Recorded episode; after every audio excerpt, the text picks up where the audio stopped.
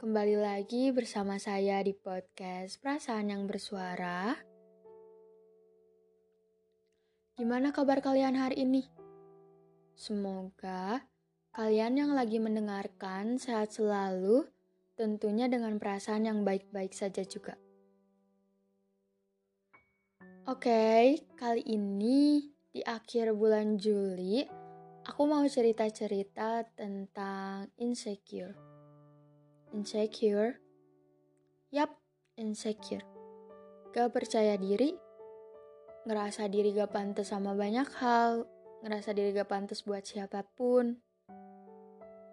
Hmm, aku baru-baru ini sempat ngerasain insecure yang menurut aku insecure kali ini terlalu banget. Bahkan ngebuat diri aku down. Ngapain ya? Saat itu, aku ngerasa gak percaya diri.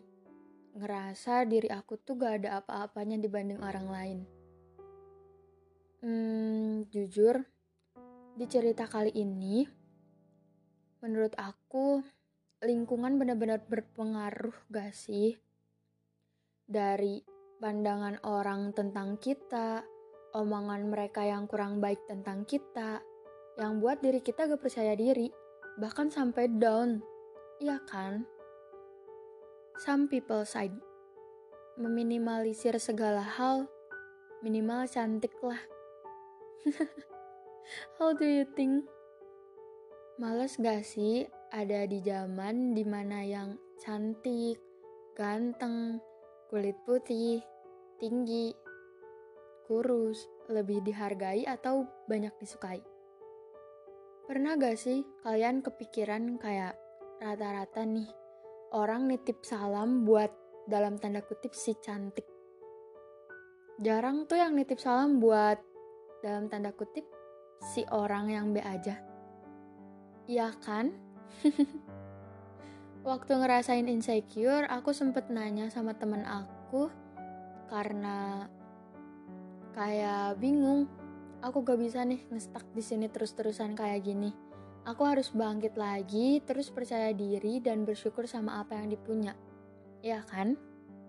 Aku nanya tuh, Hey, kalau orang putih, terus cantik atau ganteng, pasti lebih dihargai ya? Pasti banyak yang suka juga.